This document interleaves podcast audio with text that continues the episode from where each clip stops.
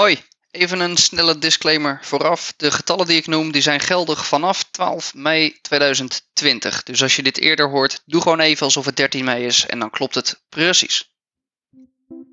Welkom bij Beginnen met Bitcoin. In deze podcast leg ik Bitcoin uit aan beginners. Dit is aflevering 5 over de blockchain. Want wat zit er nou in en waarom is die blockchain zo bijzonder? Als je rond het jaar 2017 blockchain in de naam van je bedrijf zette, dan schoot je beurswaarde meteen omhoog. Het betekende misschien niks voor jouw bedrijf en het was alleen maar mooie marketing, maar uh, ja, het deed toch wat met je koers, met je bedrijfswaarde. Het meeste wat de meeste mensen horen over blockchain is grote onzin en marketing om, uh, om aandelen te verkopen en om uh, iets interessant te laten doen klinken. Maar behalve marketing betekent het in ieder geval bij Bitcoin ook daadwerkelijk echt wat. In grote lijnen staan in de blockchain alle Bitcoin-transacties tot nu toe. Nodes die slaan de blockchain op en geven die blockchain aan elkaar door. Dat is het peer-to-peer systeem.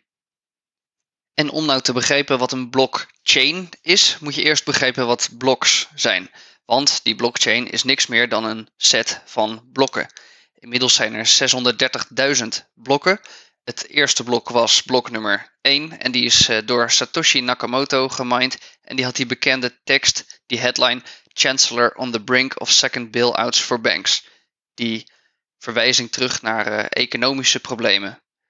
Nou, al die bloks die kan je dus zelf op je schijf krijgen door je eigen full node te draaien, bijvoorbeeld met de Bitcoin Core software. En dan kan je ook zelf die tekst teruglezen in de blockchain die op je eigen harde schijf staat.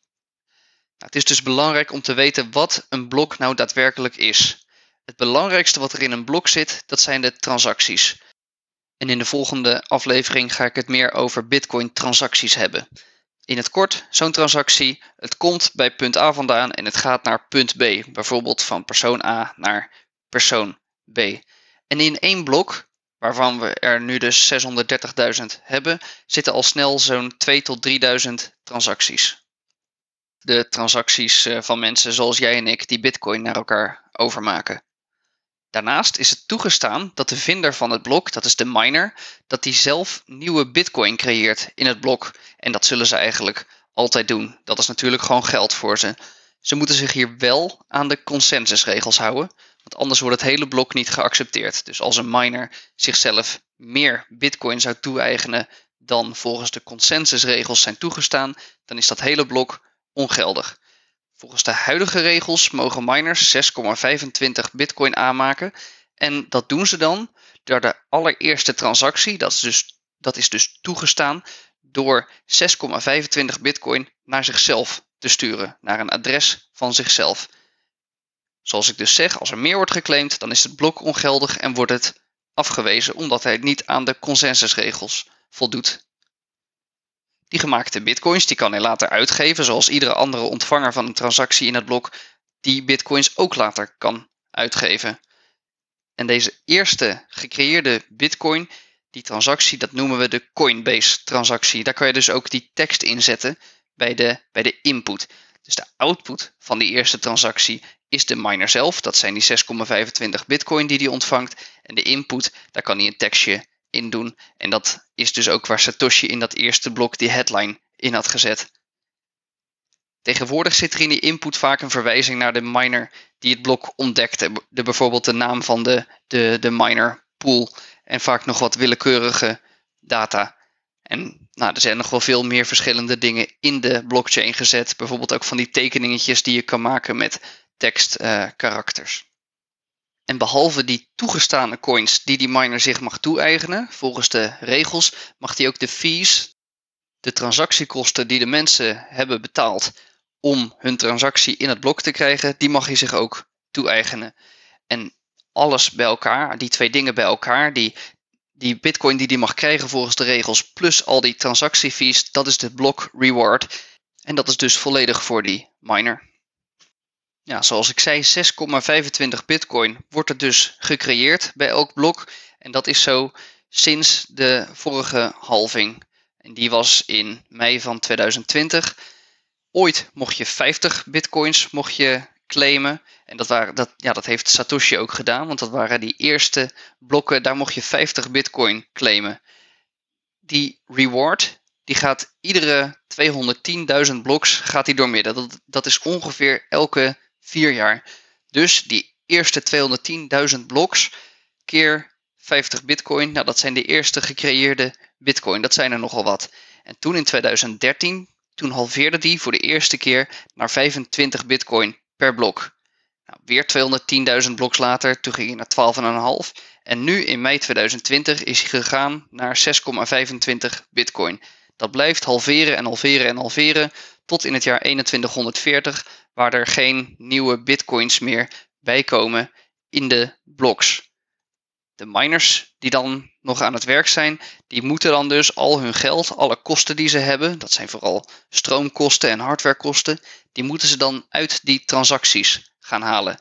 Want zoals je herinnert, wat die miner zich mocht toe-eigenen, dat waren de transactiefees samen met die uh, bitcoin die die volgens de regels uh, mag toe-eigenen. Nou, als die naar nul gaat, dan blijft alleen nog de transactiefees over. Nou, die halvering die noemen we dan een halving. En als je dit uh, luistert in uh, nou ja, mei 2020, dan is die net gebeurd.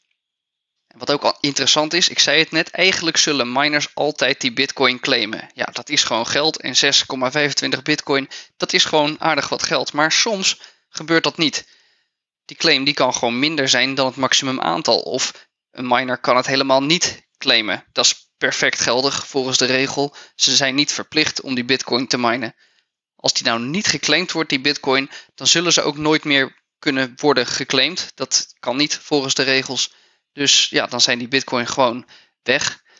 En waar er dus wordt gezegd dat er in totaal maximaal 21 miljoen bitcoin zullen zijn, is dat in realiteit alweer een stuk minder door vergeten rewards, blok rewards.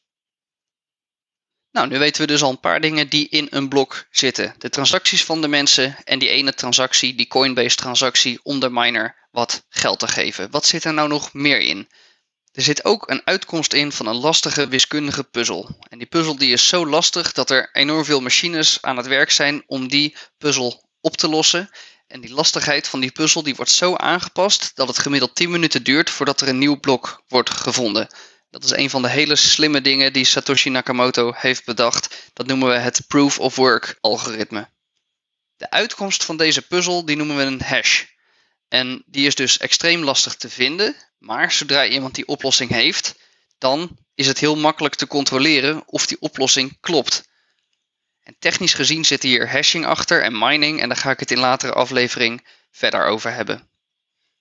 Verder zit in een blok zit de huidige tijd van wanneer, die, uh, van wanneer dat blok gevonden is. Dus wat zit er in een blok? De transacties van de mensen, de transactie die de miner de block reward geeft, de uitkomst van die puzzel en er is nog ja, de tijd, sorry, ook. En er is nog één ander belangrijk ding wat het nou een blockchain maakt. En dat laatste belangrijke ding, dat is een verwijzing naar het vorige blok. De verwijzing is een verwijzing naar de oplossing van die puzzel van het vorige blok. En doordat ieder blok naar zijn vorige blok verwijst, kan je ze sorteren, ja, oftewel op, uh, op volgorde zetten. En dat maakt al deze blokken bij elkaar een ketting. Dus je kan een hele hoop van die blokken hebben, gewoon, uh, nou ja, zie ze even als bestandjes op je desktop. En daarin staat dus een verwijzing naar wat zijn vorige blok was. En ik vind het leuk om dat te zien als een, ja, stel je een verhaal voor wat van persoon tot persoon wordt doorverteld. Dus je hoort misschien een verhaal van ene Dave.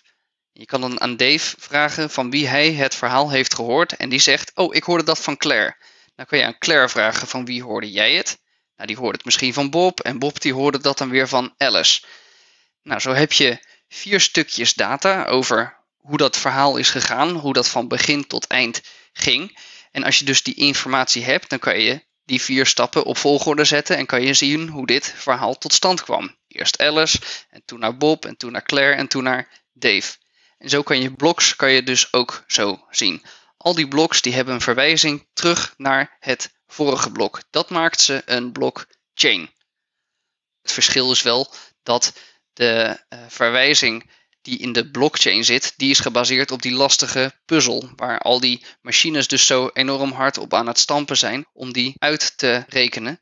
En waar Bob in ons verhaal zou kunnen zeggen dat hij het van iemand anders hoorde, is dat bij Bitcoin niet mogelijk. Je kan niet een oude schakel in die ketting enigszins veranderen, want dat maakt de rest helemaal ongeldig. En uh, ja, daar heb je gewoon te veel rekenkracht voor nodig. Dat is niet te, te, doen om dat opnieuw te berekenen. Als daar nu al zoveel kracht voor nodig is om die, uh, ja, die transacties veilig te maken. Een aanvaller die heeft die kracht niet liggen en het is gewoon niet praktisch om al die berekeningen om die allemaal opnieuw te doen voor het rest van de blockchain tot nu toe. En zo weet je al met al wat een blok is, wat er in die blokken zit en uh, wat al deze blokken bij elkaar nou een blockchain maakt. Nou, er gebeuren, gebeuren een hele hoop interessante dingen met die blockchain. Het interessantste momenteel vind ik dat je er dus eh, financiële transacties mee kan doen, dat je er bitcoin mee heen en weer kan sturen. Maar er zijn ook andere interessante oplossingen. Zo is het ook mogelijk om te timestampen. Dus je kan een documentje hebben en de ja, de hash, de samenvatting van dat documentje, kan je in de blockchain zetten. Wat doet dat nou uiteindelijk? Je kan dan bewijzen, wiskundig kan je bewijzen, dat een document op een bepaald moment heeft bestaan. En daar krijg je dan meteen al die rekenkracht van Bitcoin, die, uh, die bewijst dan, die helpt jou mee te bewijzen dat een document daadwerkelijk bestaan heeft. Nou, dat is de blockchain. Je kan online kan je ook de blockchain bekijken. Ik zet die links ook in de show notes neer. Bijvoorbeeld op blockstream.com of op bitcoin.nl/slash explorer. Dit was een, uh, een korte samenvatting. Ik hoop dat het duidelijk genoeg was. Ik ga vragen verzamelen in de Telegram groep. En na alle uitlegafleveringen uh, ga ik die vragen behandelen. Die groep die vind je op beginnenmetbitcoin.com of als je in Telegram zoekt naar beginnen met Bitcoin, dat is één woord, dan, uh, dan vind je ons ook. Nou, bedankt voor het luisteren. Tot de volgende aflevering. En daar ga ik het hebben over wat er nou in die blocks zitten, de transacties. Later.